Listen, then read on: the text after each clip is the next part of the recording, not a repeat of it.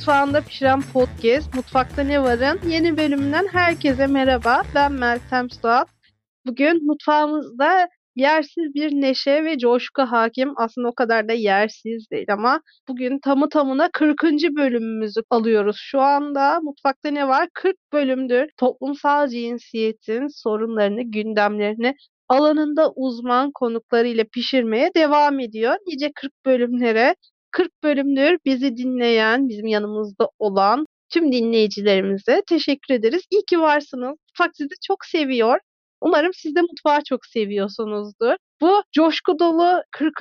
bölüm kutlamamızın ardından birkaç bir şey daha söylemek istiyorum. Biz bu kaydı şu an 24 Kasım itibariyle yapıyoruz ve yarın Dünya Kadına Karşı Şiddetle Mücadele Günü. Ben onun hakkında da birkaç bir şey söylemek istiyorum. Türkiye Kadına Karşı Şiddetle Mücadele Günü çok karanlık bir tabloyla karşılıyor. An itibariyle Kasım 2022 itibariyle anı sayaça göre 346 kadın Türkiye'de erkek şiddetine kurban gitti ve daha binlercesi istismara uğruyor, taciz ediliyor, evlerinde şiddet görüyor, dışarıda şiddet görüyor kadınlar 25 Kasım Türkiye'de şiddete boğulmuş bir şekilde karşılıyor. Türkiye'de biliyorsunuz Haziran 2022 itibariyle İstanbul Sözleşmesi de Danıştay kararıyla resmen feshedildi. Türkiye bu sözleşmeden çekildi. Artık kadınların haklarını koruyan bir ülke istiyoruz kadınlar olarak. Daha fazla kadın katledilmesini istiyoruz. Kadına karşı şiddetle mücadele gününde kadınların öldürülmediği bir ülke diliyoruz. Çünkü artık daha fazla ölmek istemiyoruz. Daha fazla istismara uğramak istemiyoruz istiyoruz. Sesimiz duyulsun istiyoruz. Hakkımızı koruyan İstanbul Sözleşmesi yürürlüğe girsin istiyoruz tekrar. Ve tabii ki İstanbul Sözleşmesi'nin dışında geçmiş bölümlerde Berin Sönmez Hoca ile konuştuğumuz gibi Lanzarote dosyasının içinde 6284 sayılı kanunun da iptal edilme tehlikesi var. Biz ne 6284'ten ne İstanbul Sözleşmesi'nden vazgeçmeyeceğiz. Ölmek istemiyoruz. Yaşam hakkımız bu bizim en temel hakkımız. Kadınlar birlikte oldukça, yaşadıkça güçlü. Bizi kendi şiddetinizin içinde, kendi karamsarlığınız içinde boğamayacaksınız. Bugün çok güzel bir konuğum var ve çok güzel bir konu konuşacağız. Akademisyen, sosyolog ve Boğaziçi Üniversitesi'nde de yarı zamanlı ders veren Doktor Feyza Akın Erdem'le birlikte Instamam, Instagram anneliği kavramını konuşacağız. Feyza Hocam hoş geldiniz. Hoş bulduk. Teşekkür ediyorum Meltem. Feyza Hocam ben hemen şunu sorarak başlamak istiyorum. Siz Instamam kavramını duydunuz mu daha önce? Instamam'ı bize birazcık özetleyebilir misiniz? Evet aslında Instamam kavramını duydum. Hem medya çalışmaları alanında olduğum için hem de bir anne olduğum için iki taraftan da hem yani konunu konuyla ilgilenen bir insan olarak hem de bir araştırmacı olarak biliyorum bu kavramı. Aslında anneliğin bir seyirlik işe dönüştüğü, anneliğin böyle gündelik hayata yayılmış hallerinin seyirlik bir malzemeye dönüştüğü ama seyirlik olduğu için de anneliği biraz daha bizim evde e, sıradan bir günde yaşadığımızdan biraz daha farklı yaşayan anneler diyelim ve bir şekilde bunu aslında bir gelire de dönüştürebilmiş annelere sanırım Instamam deniyor. Doğru mu? Doğru hocam. Instamam sosyal medya üzerinden çocuğunu paylaşarak aslında para kazanan anneleri tanımlamak için kullanılıyor. Şöyle para kazanıyor bu anneler. Çocuklarının ve kendilerinin kullandığı ürünleri linkliyorlar ve hep bir e, yukarı kaydırın durumu oluyor. Kaydırın çocuğumun montunu alın, kaydırın şunu alın, kaydırın bunu alın sektörü var. Instagram daha çok hani belli gruplar mesela yeni doğmuş bebeği olanlar yeni doğmuş bebeği olan Instagram'ları, daha büyük çocuğu olanlar daha büyükleri takip ediyor. Ama kendi içinde de bir kitleye etkileme gücü var. Bunu da soracağım size. Instagram'lar aslında sayfalarında daha fazla kişiye hitap edebiliyor. Çünkü anne imajı veriyorlar ve öyle bir anne imajı ki fedakar, kariyer sahibi, bakımlı bir anne imajı çiziyor ve anneler bu imajı çok sevdikleri için de aslında çok büyük bir kitle etkileme imkanına sahipler. Şöyle çocuğunun doğduğu hastaneden kullandığı mamanın linkine kadar her şeyi verebiliyor bu anneler. Da ben bu bölüme de hazırlanırken Instagram'lara daha dikkatli baktım. En son ismini vermek istemiyorum. Bir anne vardı. Yeni doğum yapmış ve şey yazmıştı postun açıklamasında. O kadar ani doğum yaptım ki doğum fotoğrafçısını ayarlayacak vaktim bile olmadı. Yani bu büyük bir trajedi aslında. Yani nasıl doğum fotoğrafçısını ayarlayamadı bu anne ve takipçileri kara kahır olmuştur. Ya bu anneler devamlı doğum fotoğrafçısı ayarlıyor. Bu anneler sürekli bakımlı, fedakar, aynı zamanda çok kariyer sahibi anneler ve bu annelerin hani hitap ettiği kitle de onların bu yönlerini severek takip ediyor. Hamilelik evrelerinden itibaren çocukların bakımına kadar her detayı paylaşabiliyorlar ama ya ben Instagram'ı açıkçası çok doğru bulmuyorum. Çünkü ismini vermek istemediğim bir takipçi daha var. Bunlar karı koca. Geçtiğimiz günlerde ne yazık ki bir reel'lerine rastladım onların. Çocuklarına komiklik olsun diye oyuncak elektrikli testere verip kendilerini kovalamalarını istiyorlar. 2 yaşında bir bebeğe ya bana çok korkunç geldi bu çünkü o çocuk ileride o elektrik seslerin ne amaçla kullanıldığını illaki öğrenecek ve yani bu komik bir şey değil aslında. Size de sormak istiyorum bunu. Çok trajik bir şey. Ve bu Instagram'daki tüket daha çok tüket kültürü hakkında ne düşünüyorsunuz? Peki. Uzunca bir soru oldu. Bir yandan şunu düşünüyorum. İnternetin şu anda dünyada belki 30 yıldan fazladır dünyada kullanıldığı, sosyal medyanın ise yani ben ilk sosyal medya hesabımı sanırım 2007 gibi falan açtım yanlış hatırlamıyorsam Facebook'u. Kaç yıl ol, olmuş matematiğim pek iyi değildir. sanırım 15 yıl falan oldu. Şimdi Instagram dediğimiz oldukça da genç kadınlar bir yandan da bu dijital dünyanın içinde büyümüş. Çok daha erken yaşlarda akıllı telefonları olmuş kadınlar ve aslında genel olarak hayatın, gündelik hayatın görselleştirilmesi ve paylaşılması uzunca bir süredir yani dünyada bir değer döngüsü yaratıyor. Yani hem kendilerine takipçi toplayabiliyorlar böyle yaparak. En çok takipçi toplayanlar da bunu paraya dönüştürebiliyorlar. Yani sizin sponsor bulabilmeniz aslında takipçi sayınıza bağlı. Dolayısıyla bazen hobi olarak başlayan, bazen bu işi keyifli bir işe iş olarak yaşamak isteyen kadınlar sonunda bu işten para kazanabilir olunca tabii ki işin rengi de boyutları da değişti. Peki hocam şimdi bu Instagram'ların evet çok büyük bir kitlesi var ama şu kitle e, aslında bu kitle de şundan etkileniyormuş. Instagram'ları takip eden annelerin %30'u onlar kadar iyi yemek yapamadığını, onlar kadar mükemmel anne olamadıklarını düşünüyor ve aslında bir karamsarlığa doğru sürüklenmeye başlıyor. Çünkü ben ne yaparsam yapayım onlar gibi doğum kilolarımı veremedim. Ben iyi bir anne değilim. Çocuğuma X marka mont alamadım. Ben çocuğuma şu marka oyuncak alamadım. Ve ben çok kötü anneyim algısı oluşuyormuş. Takipçilerinde Kanada'da yapılan bir araştırmaya göre Instagram'ları takip eden takipçilerin %69'u kendini yetersiz ve kötü anne olarak hissediyormuş. Ne düşünüyorsunuz bir anne olarak bu konuda? Aslında anne olarak yetersiz hissetmek sanırım Instagram'dan önce de vardı. Yani ben 2009'da anne olduğumda Eksik Anne diye bir yazı yazmıştım. O dönemki çok sevdiğimiz Amarge dergide yayınlanmıştı. Gerçekten çok büyük bir öfkeyle yazmıştım. Çünkü şöyle bir şey anlatıyordum orada. Anne olmadığım süre boyunca yani çocuk doğurmadığım süre boyunca hep çocuk doğurup tamamlanacağımı söyleyen toplum çocuk doğurduktan sonra da anneliğimi beğenmeyerek aslında bana bir baskı uygulamaya başladı. Bu sefer de hiçbir zaman tamamlanamayacağımı, hiçbir zaman bu işi doğru dürüst yapamayacağımı hissetmiştim. Tabii Instagram anneliği diyelim bunu biraz arşa çıkarıyor. Yani çünkü çok mükemmel gözüken kadınlar, çok fitler, evleri çok düzenli, çok iyi ürünler kullanıyorlar. Hepsi organik, hepsinin bir özelliği var. Hepsi çocuğun gelişimi için çok önemli, çok gerekli, çok faydalı. En önemlisi de bence en depresif tarafı anneler için genel olarak. Bütün bu annelik işinden acayip zevk alıyorlar.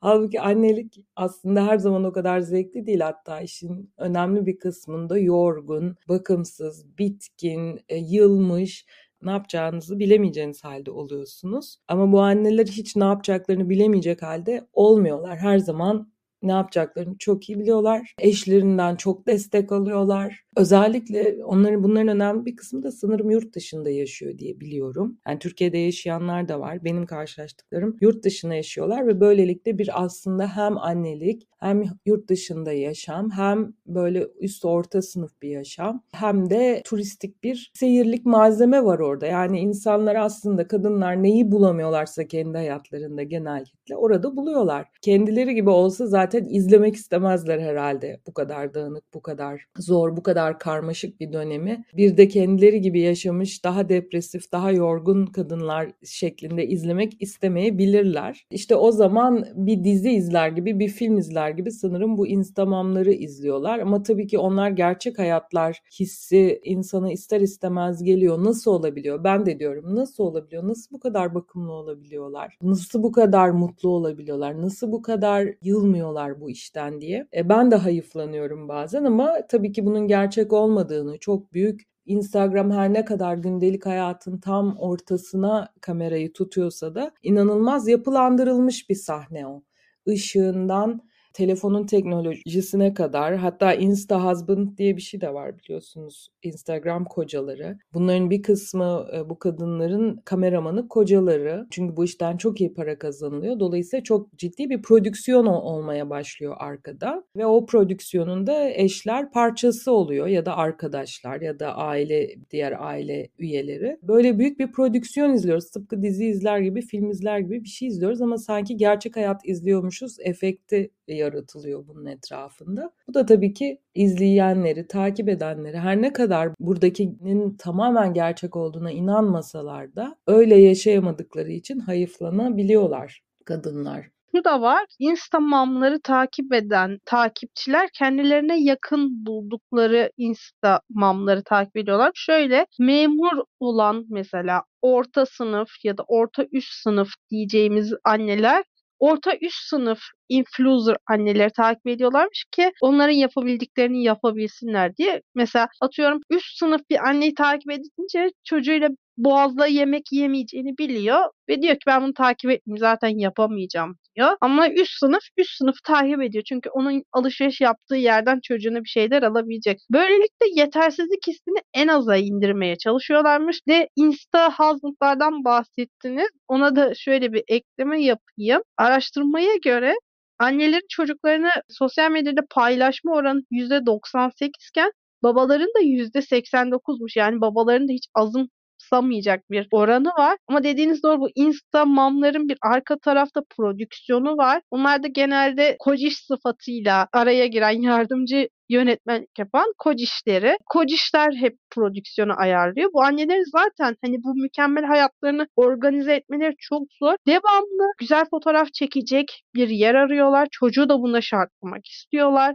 En güzel açıyı, en güzel çocuğunun yakışmayacağı yerlerde fotoğraf çektirmiyorlarmış mesela bu anneler. Ve Hani bu anneler genelde hani çocuğun fotoğraf çektirmeyi bir yerden sonra zorluyor. Çünkü çocuk bazen istemiyor fotoğraf çektirmeyi ama istemese de sürekli poz verdirip her an kamerayı alıyor çocuğunun. Yani bebekken zıbınlı halini, yetişkinken okula giderken, sabah uyanmış, bakkala giderken, markete giderkenki halini sürekli bir çocuğu paylaşma, o çocuğun her anını BBG evi gibi göz altına, göz hapsine alma durumu var. Çocuk da bundan rahatsız oluyor ama hani onu da siz de bir annesiniz onu da sormak istiyorum. Çocuğun rahatsız ettiğini bile bile neden çocuğunun banyo halini, şu bu halini paylaşıyor? Çünkü bu Instagram'ın şöyle tehlikeli bir boyutu var biliyorsunuz internette çok fazla pedofil birey var ve o çocukların banyo yaparkenki görsellerini, giyinirkenki görsellerini paylaşan anneler için o pedofil bireylere açık bir alan bıraktığını bilmiyor mu bu anneler? Siz bir anne olarak çocuğunuzun her halini paylaşmayı bu kadar düşünür müsünüz? Ne boyutta bir tehlike görüyorsunuz bunda? Aslında Meltem şunu söylemem lazım. Ben bir araştırmacı ve sosyolog olduğum için çok yargılayıcı şeyler söyleyemiyorum e, bu tip konularda. Çünkü spesifik örnekler üzerinden gitmem gerekir. Bunu yapmak çocuk istismarıdır ya da şunu yapmak çocuğa şiddettir ya da şunu yapmak çocuğun özel hayatının ihlalidir gibi çok spesifik örneklerden gitmem lazım. Çok genel bir kategorik olarak bunu hani çok kötü diyemem çünkü hep en başta da söylediğim gibi dünya başka bir dünya. Yani 20 sene önceki hatta yani ben 14 sene önce anne oldum 13-14 sene önce o zamankinden bile farklı. Çok hızlı bir şekilde değişiyor. Yani görselleştirme şu an dünyada çok normalize edilmiş bir şey. Yani bunun pedofiliye giden ya da işte çocuk istismarına giden, teşhire giden, özel hayatın ihlaline giden uçları tabii ki var. Bunları hem hukuki olarak hem politik olarak değerlendirmek ve belki bazı kısıtlamalar, sınırlamalar düşünmek, eleştirilerde bulunmak bence de önemli. Ama Yine de ben çocukların ekranda gözükmesi, Instagram'da paylaşılması konusuna çok siyah beyaz bakamıyorum. Dediğim gibi yani eskiden böyle bir doğum fotoğrafçılığı yoktu mesela. Şimdi çok büyük bir sektör haline geldi. Ama bunu hani dümdüz işte bu ne kadar da işte yanlış bir şey insanların bu kadar özel anının paylaşılması diye hani yargılamayı da çok doğru bulmuyorum. Çünkü dediğim gibi yani benim için bile neredeyse çocuğum yaşındaki genç kadınların hayata bakışı, dijital dünyaya bakışı, görselleştirmeye bakışı bambaşka. Ben de böyle burada arada bir yerde duruyorum aslında. Hani küçük çocuklar mesela, küçük benim de küçük bir oğlum var. Kızlarım da ikiz kızlarım var. Onlar 13 yaşındalar. Onlar küçükken daha çok şey paylaşıyordum. Kimi fotoğrafları sadece aile üyelerine gönderiyorum. Kimisini sosyal medyada arkadaşlarımla paylaşıyorum. Ama belli bir yaştan sonra onlar bunu Hani şunu paylaşabilirsin, bunu paylaşamazsın, şu paylaştığını silmelisin, bu paylaştığını sadece aileye gönderebilirsin, bunu hiç kimseye gönderemezsin gibi fotoğraf çekilirken bana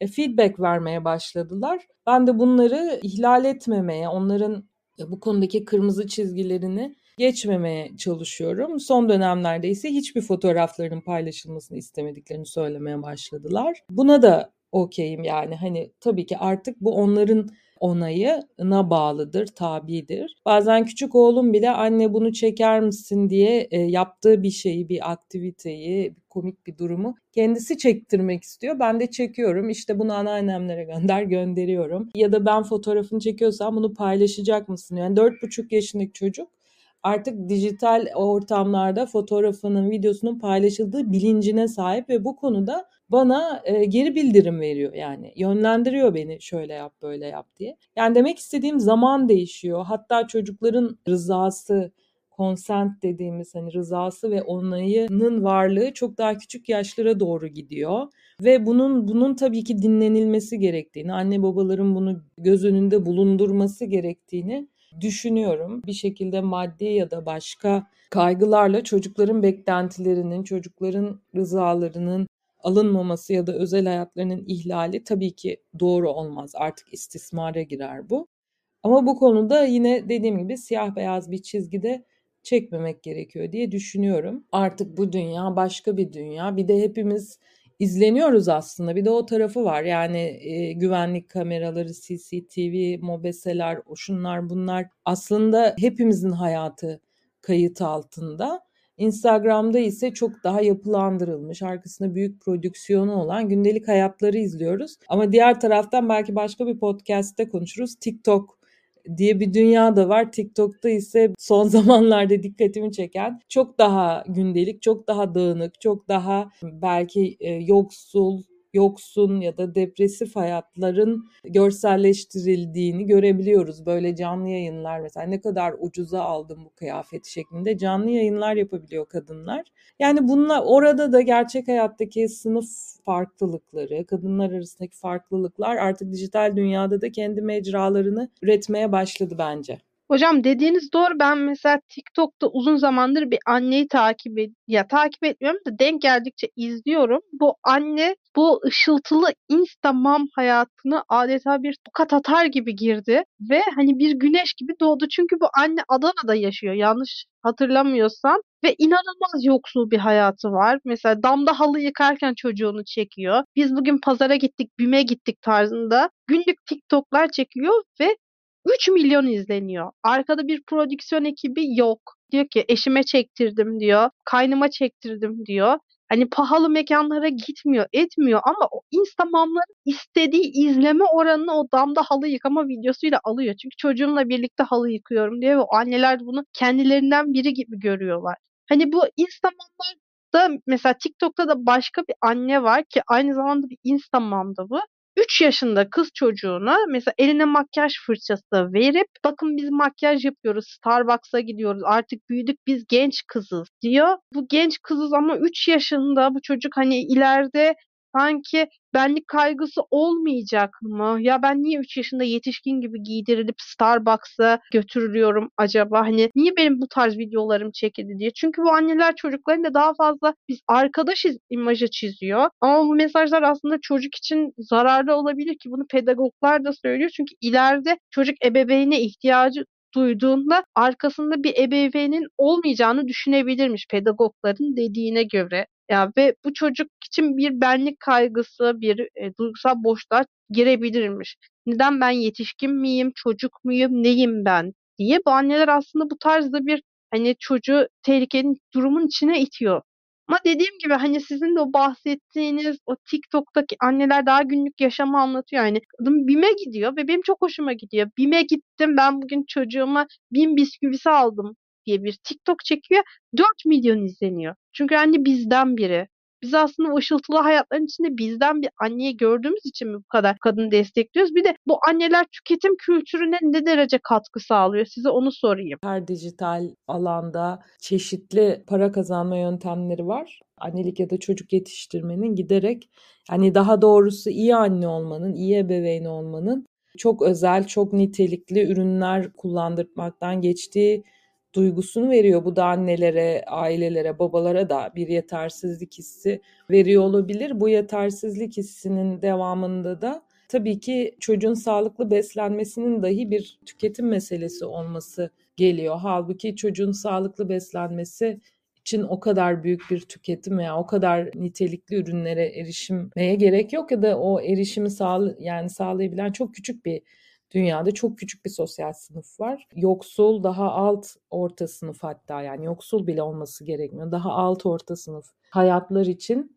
bu kadar tüketime dayalı ebeveynlik mümkün değil. Artı gerekli de değil. Gerekli olduğunu düşünmüyorum. Hatta ben kendim anne olduktan sonra çok ikilemde kaldım. İşte tamamen organik e, ürünler alıyorum ve onlarla besliyorum diyen annelerle de tanıştım. Ama ben bunu yapmaya çalıştığımda ne kadar büyük bir ekonomik e, gücün olması gerektiğini de fark ettim. Sonra da işte hani bunu böyle bir etik mesele olaya da dönüştürmek yani etik olarak organik beslemek gerekiyor çocuğu. Zararlı bir şey vermemek gerekiyor. Şunu yapmamak gerekiyor. Bunu yapmamak gerekiyor. İnsan gerçekten kendini çok tükenmiş hissediyor. Diğer yandan işte Instagram'da çocuğunun fotoğraflarını, videolarını paylaşmanın da bir taraftan işte çocuğa çok büyük zararlar vereceğini söylemekle bütün hayatını hiçbir onayını almadan istismar seviyesine gelecek şekilde paylaşmak ikisinin de uç tutumlar olduğunu düşünüyorum. Yani çok da anneleri ve kadınları suçlayıcı olmamak lazım. Eğer bu normal çocuğa zarar vermeyecek ve annenin kendi dijital e, kullanımlarına hitap edecek şekilde yani bu bu istekten bu arzudan insanlarla çevreyle çocuğunu paylaşmasından da alıkoymamak lazım anneleri yargılayarak. Zaten anneler çok çok yargılanıyorlar hayatın her alanında. Ama tabii ki ailenin çocuğu hiçbir konuda istismar etmemesi gerektiği gibi dijitalde paylaşmak konusunda da istismar etmemesi gerektiğini düşünüyorum. Anneliğin ne kadar tüketime dayalı bir pratiğe dönüştüğü ise bence Instagram'dan başlayarak diğer bütün mecralarda tartışılmalı, konuşulmalı. Bu eşitsizlik, çocukların eşitsiz büyümesi bence esas bu dünyada çok büyük sosyal sorunlara ya da var olan sosyal sorunların ileride de büyümesine neden olacak. Yani organik beslenebilmiş çocuklarla temel besin ihtiyaçlarına dahi ulaşamamış çocuklar arasında ileride bu farklılıkların nasıl çatışmalar ve toplumsal hiyerarşiler doğuracağını da göreceğiz. Giderek keskinleşen e, ayrımlar olacağını düşünüyorum bunların. Buna da hem bir sosyolog olarak hem bir anne olarak tabii ki eleştiriyorum. Hocam tabii ki hani ben bu anne, anneliği zaten eleştirmiyorum ama tek eleştirdiğim şey bunun bir hani anneliğin bir ticari sektör haline gel getirilmesi bu anneler tarafından ve bu gelir eşitsizliği yokmuş gibi işte ben bunu kaydırdım aldım siz de bu mamayı alın. Evet onun kitlesi belki hani alabilir ama hani Türkiye'de Instagram, TikTok kullanan çok fazla anne var, çok fazla insan var. Ama bu hani bir sektörken anneler onu alamadığı için çocuğunu hani iyi bir anne olamadım diye belki de değişik bir duygu haline giriyor olabilir. Dediğim gibi bunu prodüksiyonla çocuğunun fotoğrafını çekmekle çocuğunu sade bir şekilde çekip paylaşmak arasında bence hani evet bir annelik farkı da var. E, çocuğun üstünden para kazanmak bana açıkçası çok etik gelmiyor. Çünkü ben influencerlara da çok hani mesafeli yaklaşıyorum. Çünkü kendim 28 yaşında bir hani kadın olarak ya ben bugün Kiko ruj alamadım öf yani millet ne rujlar alıyor? diye evet doğruya doğru zaman zaman düşünmüyor değilim. Bu ekonomik krizi de içine katarsak. Ama bu annelerin sürekli çocuğunu paylaşma çabası bakın benim ben doğuma bile fotoğrafçıyla gidiyorum. demesi ve her bakımda bakımlı ideal anne profil çizmesi aslında o anneliğin zaman zaman tük, kendini tüketen, anneliğin içinde bunalan, daralan annelere de ben iyi bir anne değilim algısı da yaratıyor bana göre. Çocuğu paylaşmaya zaten sharing deniliyormuş ve çocuğun her anını paylaşan anneleri diyormuş. Mesela günde 100 tane çocuğun storiesini atıp bakın benim çocuğum böyle diyen annelere. Yani ben açıkçası çok mantıklı gelmiyor. Ama tabii ki anneler her zaman eleştiriyor Türkiye'de sen iyi bir anne olamadın baskısı var kadınların içinde. Daha da büyük sen anne olamadın. Neden anne olmak istemiyorsun baskısı var. Her kadın anne olmak zorunda değil. Her kadın çocuk yapmak zorunda da değil. Ama anne olan kadınlara da bakın bunu kaydırıp almazsanız çocuğunuz organik beslenemez baskısı ve sektörü yaratılması bana çok mantıklı gelmiyor. Hocam son olarak şunu da sorayım ben şunları da sorayım size. Bu annelerin çocuklarına olan etkisini nasıl değerlendiriyorsunuz siz? Bir de bir sosyolog olarak bu annelerin kitleleri etkilemede bir rolü olduğunu düşünüyor musunuz? Mesela diğer anneleri etkilemede bir rolü olduğunu düşünüyor musunuz?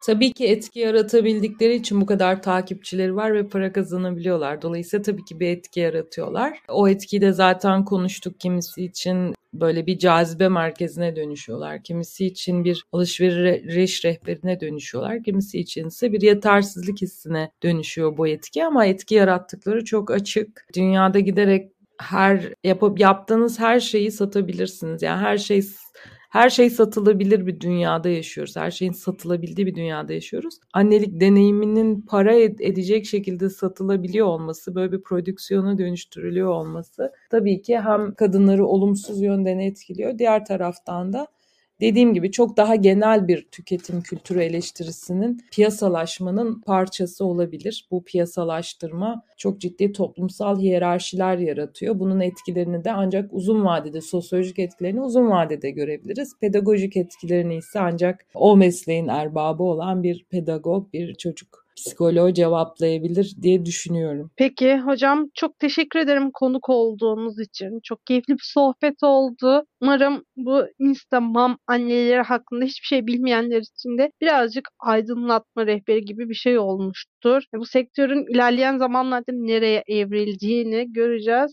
Umarım bir sonraki podcastimizde de sizinle TikToker anneleri konuşuruz. Onlar Instagram annelerden daha büyük bir kitle olarak geliyorlar. Daha derinlikli bir kitle. Bakalım onlar nereye doğru gidecek. Tekrar çok teşekkür ederim konuk olduğunuz için. Ben teşekkür ediyorum. Çok güzel bir sohbetti. Feyza Akın Erdem hocamıza çok teşekkür ediyoruz. Feyza hocamızla bu paylaşımların birazcık sosyolojik boyutunu ayrıca da kendisi anne olduğu için anne gözüyle de değerlendirmesini yaptık. E, şimdi bu paylaşımların bir de hukuki yönü var. Özellikle yurt dışında bu influencerların çocukları büyüdükleri zaman geriye doğru bir gizliliği ihlal davası açıyormuş. Ben çeşitli örneklerini okudum internette ve bir de işin hani bu çocukları pedofili bireylere karşı açık hale mi getiriyor boyutu var. Bu soruların cevaplarını İstanbul Barosu'ndan çocuk hakları avukatı Süreyya Kardelen Yarlı'ya sorduk. Süreyya, öncelikle şunu sormak istiyorum. Şimdi bu paylaşımlar, influencer annelerin, Instagram'ların yaptığı paylaşımlar çocuğun kişilik haklarını zedeliyor mu? Ona zarar veriyor mu? Çocuk da bir birey sonuçta ve hani Türkiye'de biliyorsun 10 haftalıktan sonra kürtaj bile yasak ki Amerika'da da artık yasak. Çocuk bir birey olduğu için artık onun yaşam hakkına başkası karar veremez diye. E bu durumda bu paylaşımlar da çocuğun kişilik haklarını zedeleyebiliyor mu? Biz direkt böyle bir paylaşım çocuğun kişilik hakkını zedeler, ortadan kaldırır diyemeyiz. Ama aksini de söyleyemeyiz. Çünkü burada yapılan paylaşıma, paylaşımın içeriğine, bu paylaşımın nerede yapıldığına, ne sıklıkla yapıldığına bakıyor oluyoruz. Çünkü şöyle bir sıkıntı var şimdi. Genelde bizim annelerimiz, babalarımız artık şöyle bir algı içerisinde. Yani bu çocuk, bu çocuğun zaten şu an konuşabilmeye yetisi yok. Şu an zaten bu çocuk küçük. Ben onunla ilgili bir paylaşım yapıyorum. Eskiden bunun fotoğrafını çekip fotoğraf albümüne koyuyordum. Şimdi aynı şeyi telefonda fotoğrafını çekip işte Instagram'a atıyorum. Ne var bunda? Arada hiçbir fark yok gibi. Evet değişen dünya düzeninde tabii ki bazı şeylerin karşılığı da değişecek. Fakat burada önemli olan şey o anne babalar çocukları üzerinde sahip oldukları velayet hakkını kötüye kullanıp kullanmıyorlar mı? Yani aslında baktığımızda tabii ki anne babanın çocuğuyla ilgili paylaşım yapma hakkı yok mu? Tabii ki var. Ama bunun bir sınırı var mı? Veya bu sınır nerede olmalı, nerede çizilmeli? Çocuk ileride büyüdüğünde bununla ilgili işlem yapabilir mi? İşte tartışma burada başlıyor. Bu da senin dediğin gibi zaten sadece ülkemize özgü bir sorun değil. Artık dünya üzerinde Instagram anneleri olarak çevrilen bir sorun. Yani biz sadece ülkede bunu yaşamıyoruz. Burada gördüğümüz şey şu. Genelde bu tarz ebeveynler her yerde, her zaman, her şekilde ve birazcık kontrolsüz olarak sürekli çocuklarının her halini paylaşıyorlar. Fotoğraf olur, reels olur, normal video olur, story şeklinde olur. Ve bir noktadan sonra bu artık paylaşımdan da çok öteye gidiyor ve sanki orası aslında o çocuğun sayfasıymış. Sanki o kişi çocuğun annesi babası değil de çocuğun kendisiymiş gibi bir özellikte paylaşım yapılmaya başlanıyor. Ondan sonra biz aslında hukuk olarak şu soruları sormaya başlıyoruz. İleride çocuk 18 yaşına geldiğinde veya e, rıza beyan edebildiği bir yaşa geldiğinde buna itiraz edebilir mi? Bu yapılanlarla ilgili dava açabilir mi? Bu yapılanlar velayet hakkının kötüye kullanılması mıdır? Ki ben birçok olayda bunun ne yazık ki velayet hakkının kötüye kullanılması olarak geçtiğini düşünüyorum. Tabii ki çocuklarımızla ilgili paylaşım yapabiliriz. Bu demek değil ki bir anne baba kesinlikle çocuğuyla ilgili hiçbir paylaşım yapmasın hukuken yasak. Tabii ki değil. Ama şunu kabul etmemiz lazım öncelikle. Bu çocuk bizim bir elimizin kolumuzun uzantısı değil. 3 aylık da olsa, 3 hastalık da olsa, 3 yaşında da olsa bizden aslında ayrı bir birey. O yüzden bizden bağımsız olarak hakları var ve var olmaya devam edecek. O an konuşamıyor olması, rıza gösteremeyecek yaşta ve durumda olması, ileride bizim yaptığımız her paylaşıma otomatik olarak rıza gösterdiği ya da göstereceği anlamına gelmez. O yüzden çocuklarımızla ilgili hele ki sosyal medyada bu tür paylaşımlar yaparken Birincisi bir kere daha düşünmeliyiz. Çünkü sosyal medyada bıraktığımız o ayak izlerimiz hiç kaybolmuyor. İkincisi empati yapmalıyız. Yani ben çocuğumun yerinde olsaydım ve büyüseydim bundan 15 yıl sonra bu tür fotoğraflarımı ya da her halimi, her videomu, her şeklimi internette herkesin görebileceği bir şekilde olsun, dursun ister miydim?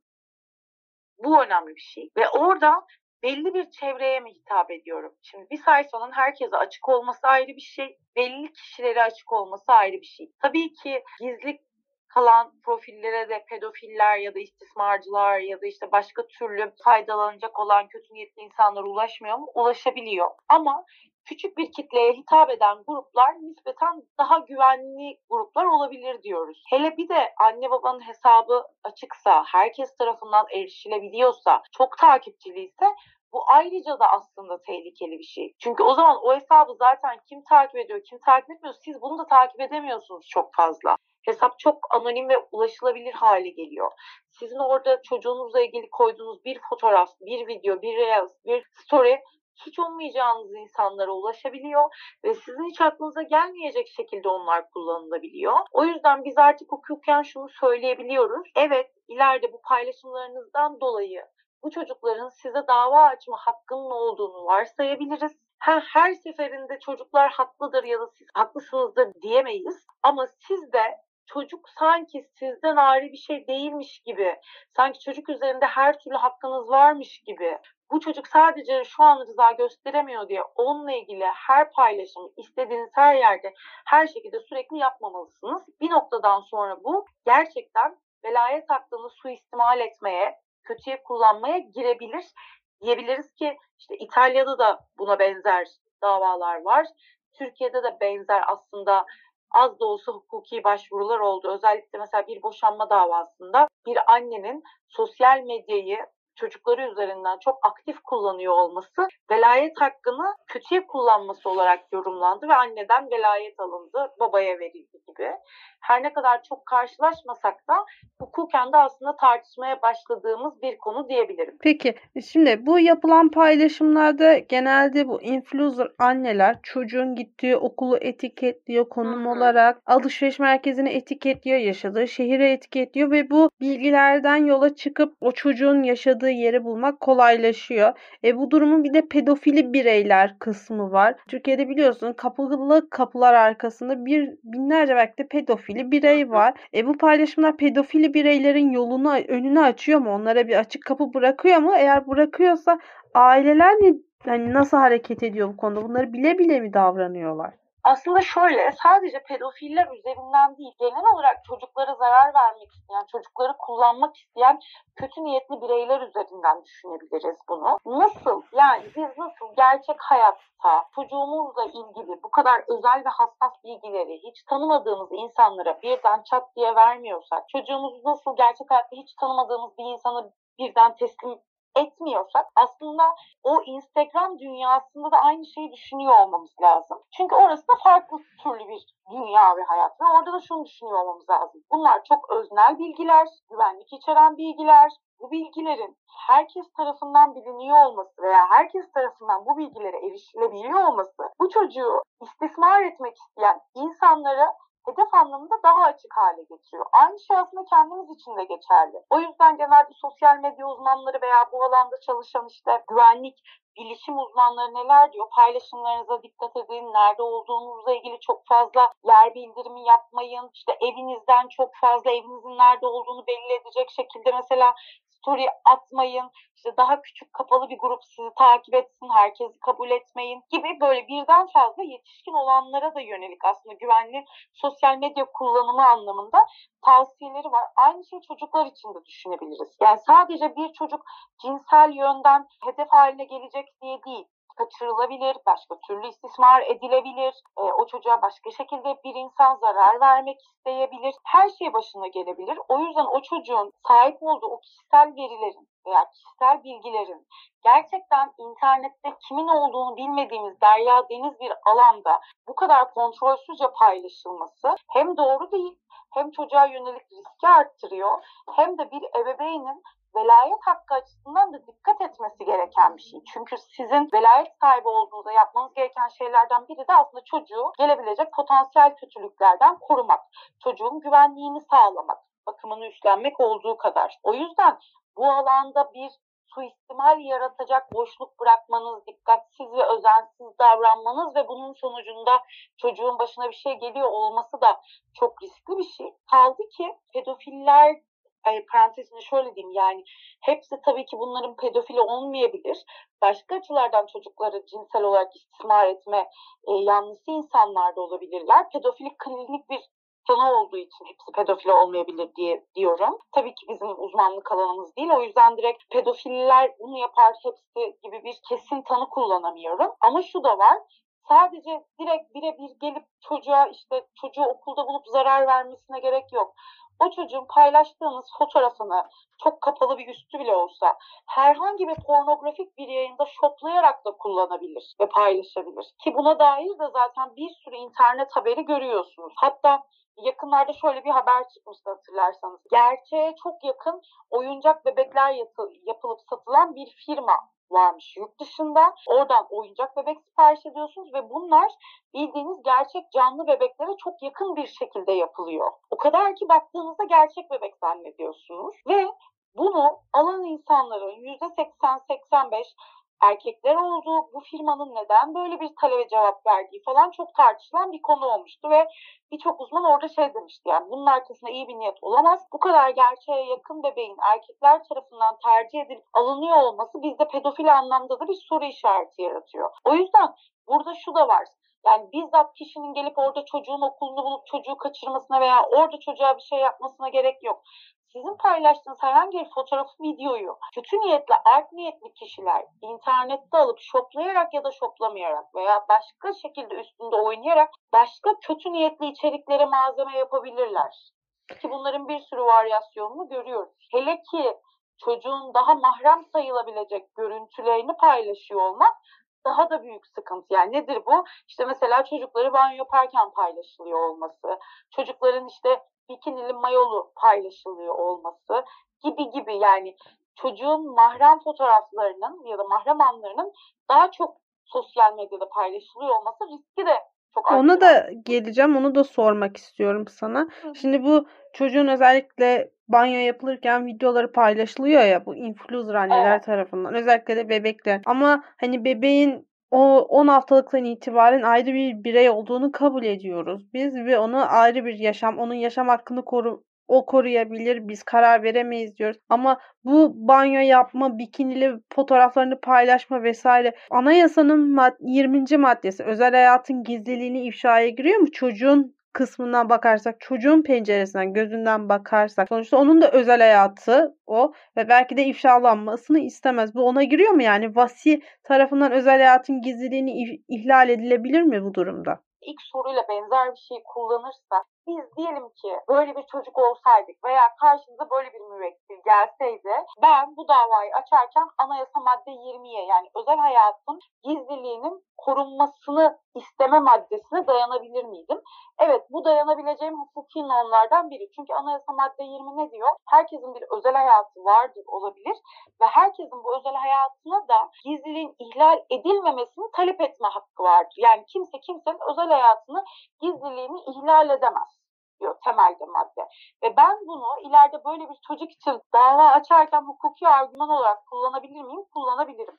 Aynı Türk Medeni Kanunu'nda velayet hükümlerine değineceğim ya da atıf yapacağım gibi o dava dilekçesinde. Burada da aslında temelde aynı şeyi söylüyoruz. Tabii ki anne babanın da bakım ya da gözetim yükümlülüğü olan kişilerin de bir takım hakları var. Biz demiyoruz ki bu insanlar hiç paylaşım yapmayacak, paylaşım yapmak hukuken yasak, paylaşım yapmak işte cezaya tabi. Hayır bizim dediğimiz bu değil. Eskiden de insanlar fotoğraf çekip dediğim gibi fotoğraf albümüne koyuyorlardı ve o fotoğrafları gelen arkadaşlarına gösteriyorlardı. Yani bunun daha küçük bir boyutu eskiden farklı bir varyasyonla devam ediyordu. Fakat onunla şu anki durum aynı değil ve tehlike boyutu düzeyi aynı değil. O yüzden bu kişiler bunu gerçekleştirirken ileriyi düşünerek hareket etmek zorundalar. Birincisi şunu düşünecekler. Bu çocuk büyüdüğünde, bunları algılayabilecek bir yaşa geldiğinde bunlardan rahatsız olabilir. Ya gerçekten 15 yaşında bir çocuk 3 yaşındaki işte tuvalette çiş yaparkenki halinin gözükmesini istemiyor olabilir Instagram'da çok doğal bir şekilde. Veya altındaki bezli halinin story'de kalmasını istemiyor olabilir. Çünkü her şeyi biliyoruz ki internette kalıyor. Veya isteyebilir. Kalsın okey de diyebilir. Ama önemli olan buna rıza gösterip göstermeyecek yaşa geldiğinde onun ne düşündüğü, onun adına benim ne düşündüğüm değil. O yüzden onunla ilgili bir paylaşım yaparken ya bu paylaşım sınırları aşıyor mu? Bu paylaşım çocuğun haklarını ihlal ediyor mu? Bu paylaşım çocuğu hedef haline getirebilecek bir paylaşım mı? Bu paylaşım aslında bu çocuk ileride büyüdüğünde onu rahatsız edebilir mi? Bunun çok sık olup olmamasını ben değerlendiriyor muyum? Yani ben bir sayfa açtığımda 10 paylaşımından 8'i çocuğuma aitse burada mesela benim bir durup düşünmem lazım. Çünkü bunu düşünmeliyim. Bu çocuk ileride büyüdüğünde benim sayfamda kendini bu kadar görmek isteyecek mi? Veya kendini bu şekilde bu kadar görmek isteyecek mi? Ben bunu bilemem. Görmek isteyebilir, istemeyebilir. Ama en başından itibaren sanki görmek isteyecekmiş gibi bir algıyla da hareket edemem. Çünkü o zaman da aslında kendimi tatmin ediyor oluyorum. Ya o kaydırdığım linkler üzerinden para kazanıyor oluyorum Müslümanlıktan. Yani çocuğa dair velayet hakkımı kullanırken aslında kötü bir şekilde bir maddi kazanç elde ediyorum. Ya da kendi egomu tatmin ediyorum. Bakın benim çocuğum ne kadar güzel, benim çocuğum var. Ben öyle harika bir anneyim, şöyle mükemmel bir babayım gibi. O yüzden de böyle bir dava ileride mesela bizzat bir çocuk tarafından bizim hukukumuzda açılacağı zaman çok rahat anayasa madde 20'ye de atıf yapılabilir. Çünkü o çocuk şunu diyebilir. Ben o zamanlar bir çocuktum evet ama çocuk olmam demek benim özel hayatım olmayacağı anlamına gelmiyor. O zaman da aslında benim bir özel hayatım vardı ve bunun bana bakan kişiler tarafından ihlal edilmemesi lazımdı. Ama bu kişiler bu maddeyi de aslında ihlal ettiler. Yani benim çocukken de sahip olduğum özel hayatın gizliliğine saygı duymadılar. benim üstümdeki velayet haklarını kötüye kullandılar. Bu velayet hakkı üzerinden haksız kazanç elde ettiler gibi savunmalar yapılabilir ve bu savunmaların da karşılık bulacağını açıkçası hele ki ilerleyen süreçlerde düşünüyorum. Çünkü o zaman bunlar bu vakalar çok daha artmış ve insanların kafasında daha net oturmuş ve belki bunların hukuki düzenlemelerin hepsinin altyapılarını eksiksiz bir şekilde yapılmış olacak. Biz şu an son 5-10 senedir mesela bunu yeni yeni konuşuyoruz, tartışıyoruz ama bence bir 10 yıl sonra muhtemelen bundan çok daha ileri seviyede problemlerimiz olacak ve hukuken de bunlara düzenleme gelmiş olacak, çoktan örnek kararlar çıkmış olacak, uygulayıcıların da bunlara bakış açısı değişmiş olacak ve tabii ki yeni gelen neslin bu anlamda kendi özelliğine müdahale ettirmek istememesi eski jenerasyona göre çok daha önemli bir portföyü öne koyacaktır diye düşünüyorum ve ileride bu tür davalarla karşılaşacağız sıklıkla diye ayrıca düşünüyorum. Peki çok teşekkür ederim Kardelen. Değerli görüşlerin için. Toplumsal cinsiyetin gündemini anne eli değmişçesine pişiren podcast Mutfakta Ne Var'ın bir bölümün daha sonuna geldik. Mutfakta Ne Var'ı Google, Spotify ve iTunes üzerinden takip edebilir, geçmiş bölümlerimizi dinleyebilirsiniz. Ayrıca Daktilo 1984'ün diğer yayınlarına ve içeriklerine göz atmak için web sitemizi ziyaret edebilirsiniz. Bizi YouTube kanalımızdan katıl yaparak ve abone olarak desteklemeyi, iTunes'tan Mutfakta Ne Var'a 5 yıldız vermeyi ve Patreon'dan bizi desteklemeyi unutmayın. Hoşçakalın.